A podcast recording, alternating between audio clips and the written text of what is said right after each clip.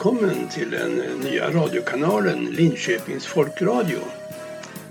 Vi är en ideell förening som drivs av frivilliga krafter och sänder onsdagskvällar 20.00. Vi är till för dig som har något att berätta om det nu är ett kåseri, en dikt, ett reportage eller något annat. Den lokala förankringen är vår styrka men också vår begränsning.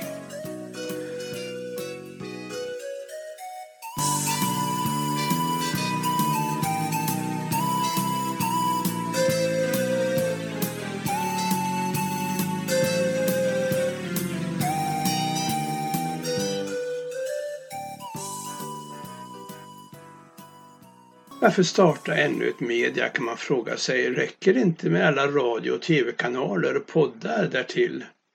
Nej, jag tror inte det. Linköpings folkradio är den enda kanal där du och jag själva skapar programmen och sänder i eten om det nu är kultur, idrott eller musik. Vi tror nämligen att det bor mycket kreativitet och skaparglädje Funderingar om livet, dikter, kåserier, roliga historier och berättelser i många av oss. Sånt som förr blev liggande i skrivbordslådor och idag stannar kvar i våra datorer. Det är synd för vi människor är som Henning Mankell sa berättande varelser eller homo narrans. Ja, dessa berättelser skulle glädja många och öppna nya dörrar om de finge se dagens ljus inte minst skribenten själv. Vi bildar alltså inte ett bokförlag utan en ny radiokanal. Bland annat för att det är ett behändigt format och passar bra för folk med fantasi. Förutom kreativa personer är också lokala föreningar inom kultur, idrott och musik välkomna. Allt från Tage Danielsson-sällskapet Gamla Linköping till olika studieförbund och organisationer och musiker. Det gäller även icke-kommersiella poddar. Jag vill här också hinta om att vi bär på en vision om lokala sommarpratare. Ännu återstår en hel del men vi hoppas kunna presentera en samling mer eller mindre kända Linköpingsbor som berättar och spelar sin musik. Ja, vi sänder i början alltså enbart onsdagar klockan 20 på 95,5 MHz och via webbradio. Programmen kan också lyssnas på i efterhand via vår hemsida www.folkradion.nu. Medlemsavgiften är 200 kronor per år och sändningskostnaden är 50 kronor för varje påbörjad halvtimme. Välkommen att höra av dig med bidrag eller frågor mejlvägen helst till info folkradion.nu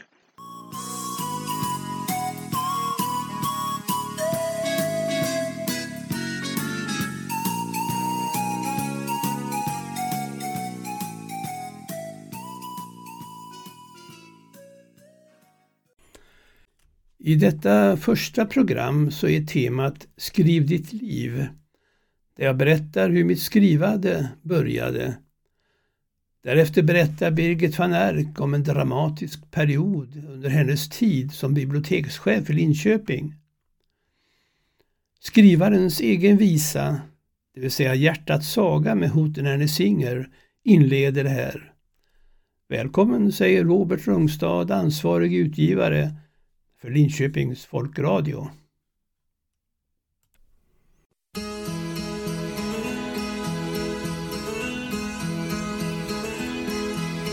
Var skog har nog sin källa, var äng sin blomma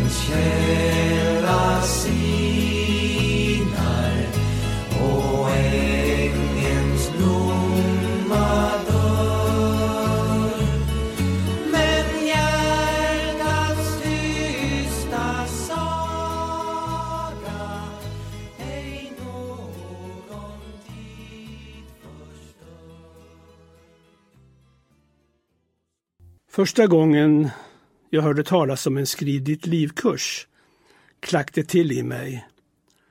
Spännande, tänkte jag. Så trevligt det vore att reflektera över det man varit med om och kanske lärt sig i livet. Jag ska ju snart gå i pension och borde ha tid till sånt. Jag hade i färsk minne att när mina föräldrar gick bort fanns det inte längre någon att fråga om hur det var förr. Om släktingar, familjeresor och olika platser. Det är tydligen alltid för sent när man väl börjar intressera sig för släktens historia. Och då är det ingen dum idé att skriva ihop det man själv minns medan man kan. Då har man ju någonting att ge vidare till de sina om de vill veta en vacker dag. Ja, det sägs ju att pensionärer behöver något att göra, något som kräver engagemang och dessutom känns rätt. Att bli pensionär är ju lite som att bli egenföretagare. Det är upp till en själv om det ska bli något av det hela. Ingen kan ju förvänta sig att arbetsgivaren eller staten ska tänka på det här. Professor Bodil Jönsson, hon vet nyttan och glädjen med att hålla sig igång. Hon jämför livet med en cykel. Stannar den upp ramlar man omkull. Blir tillvaron för stillastående har hjärnan en förmåga att uppfinna faror där sådana inte finns i verkligheten. Därför är det viktigt att hitta något bra projekt, att ha något på gång som skapar rörelse. För att inte nämna de bieffekter som uppstår genom nya nätverk och som i sin tur ger stimulans, säger Bodil Jönsson.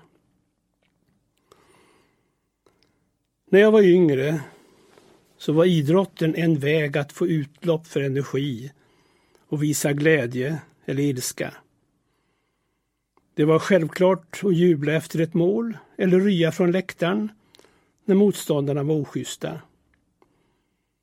I övre tonåren kanaliserade jag mycket tjänster genom prat och diskussion eller sjöng med i Björn Afzelius eller Elvis låtar. Idag är det inte längre lika kul att tjoa på läktaren eller diskutera i tid och otid. Men jag behöver fortfarande någonting att kämpa för. Eller en kanal där jag kan uttrycka det jag har inom mig. Så vad göra? Sjunga kan jag inte och måla ligger knappast för mig. Det blev till att skriva. Detta är märkligt, för under skoltiden var jag varken road av eller särskilt duktig i svenska. Men jag funderar ofta över livets frågor. När jag flyttade till Lund med eget rum fick jag utrymme att tänka till punkt. Och strax plitade jag ner mina tankar i en liten bok som fick namnet Dabari. Det betyder mina ord och det hebreiska. Mina ord till skillnad mot Guds ord. Det var först när jag skrev och sen läste igenom det som jag upptäckte att det skrivna ordet tvingar fram klarare tankar men gav också mental rening.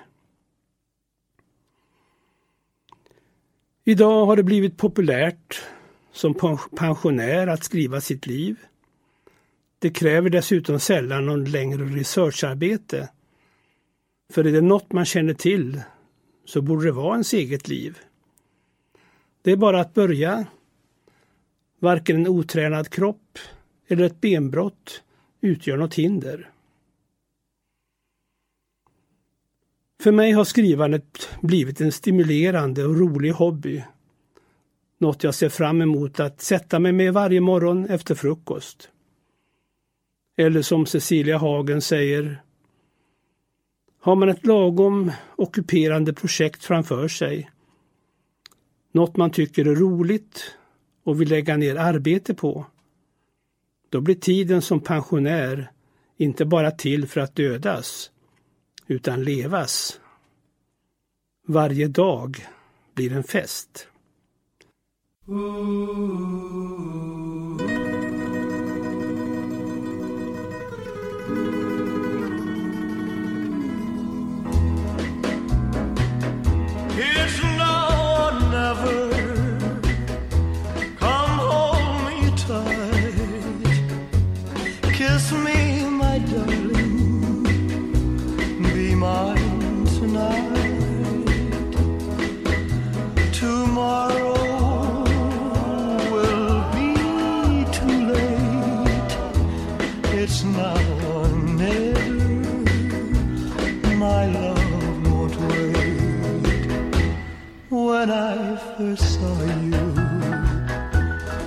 Your smile so tender, my heart was captured, my soul surrendered.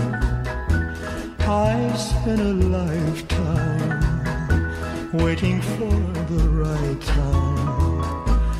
Now that you're near, the time is here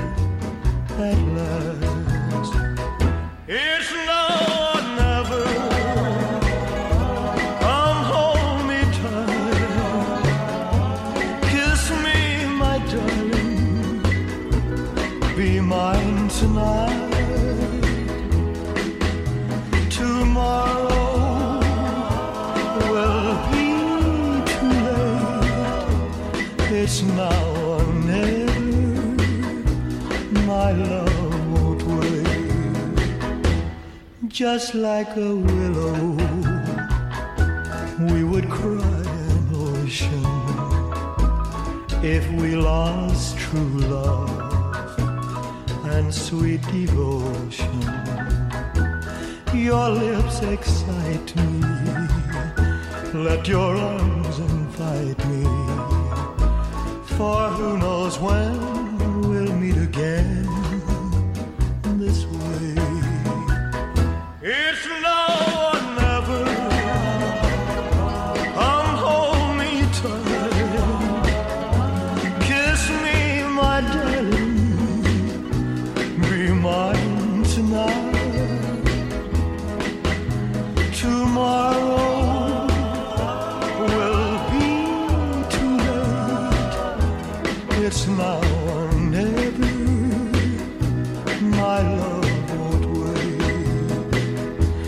It's now or never.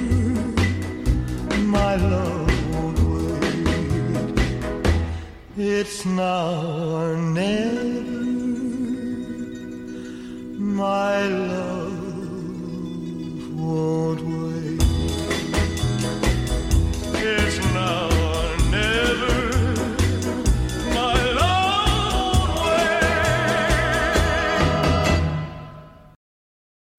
Välkommen! Jag heter Birgit von Erk och är pensionerad bibliotekarie. Jag ska läsa en krönika som jag kallar Dödshot mot yttrandefriheten.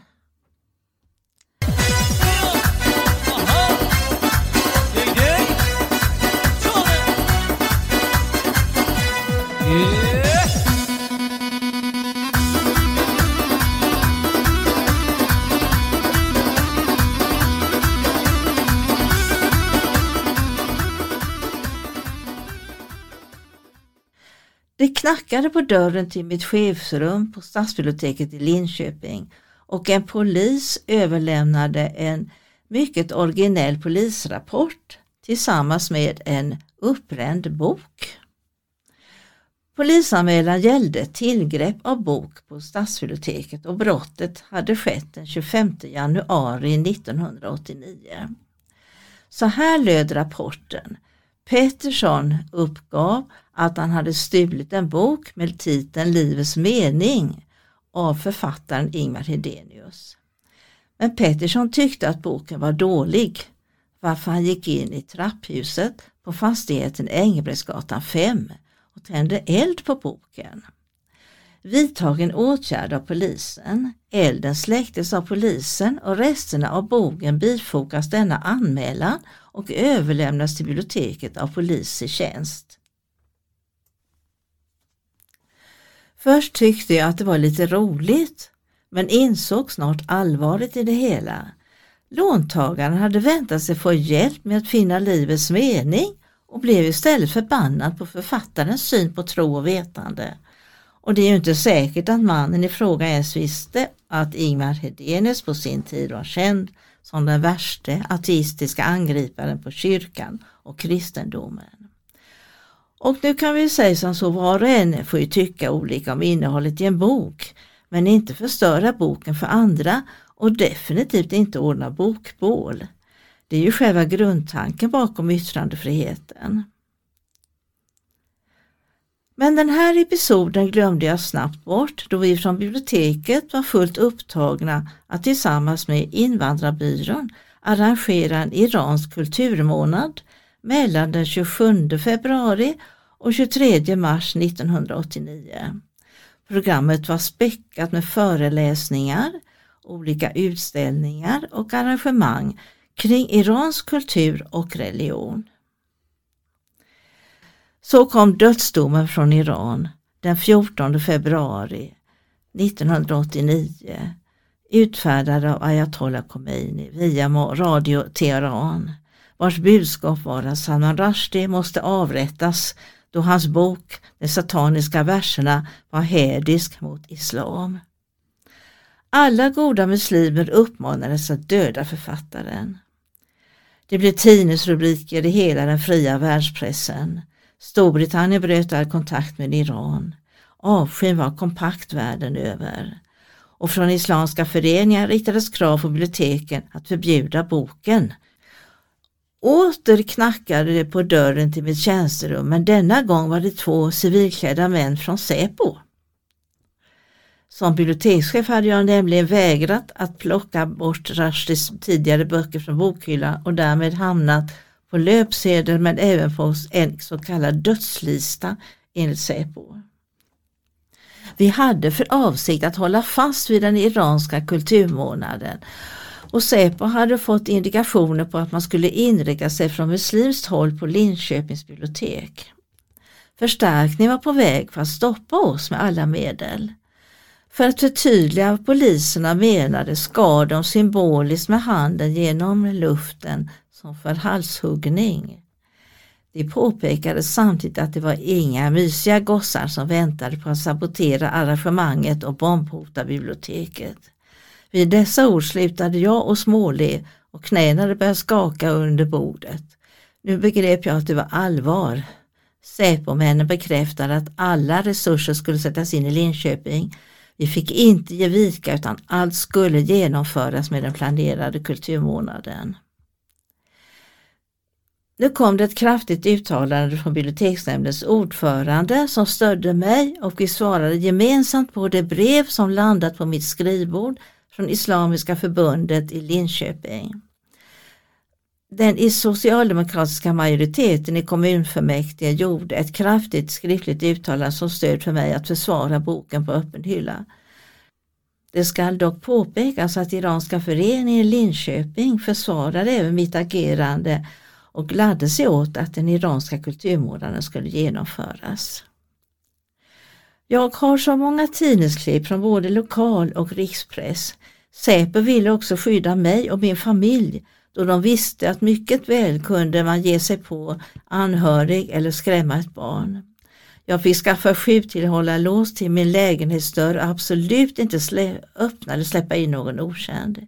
Yngsta dottern Louise, nio år, fick eskort till och från skolan. Själv hämtades jag varje dag med bil av Säpo. Vi fick tillstånd av kommunen att sätta in bevakning av bibliotekshuset dygnet runt. Vid kontroversiella arrangemang i hörsalen vimlade av civilklädda poliser bland publiken och hela huset var omringat av polisbilar. Kommunledningen och polisen gav oss fullt stöd hela tiden. Budskapet var klart. Tro inte att ni kan komma här och skrämma oss i Linköping. Trots det kom det ett nytt brev med hot om att det skulle inte hända mig och mina barn något om jag bara tog bort den förhatliga boken från hyllan. Säpo-poliserna åkte då till moskén på Åbylundsgatan varifrån brevet kom för att tala förnuft med de ledande muslimerna där. Jag vet inte vad de sade och gjorde men det, efter det lämnades jag i fred.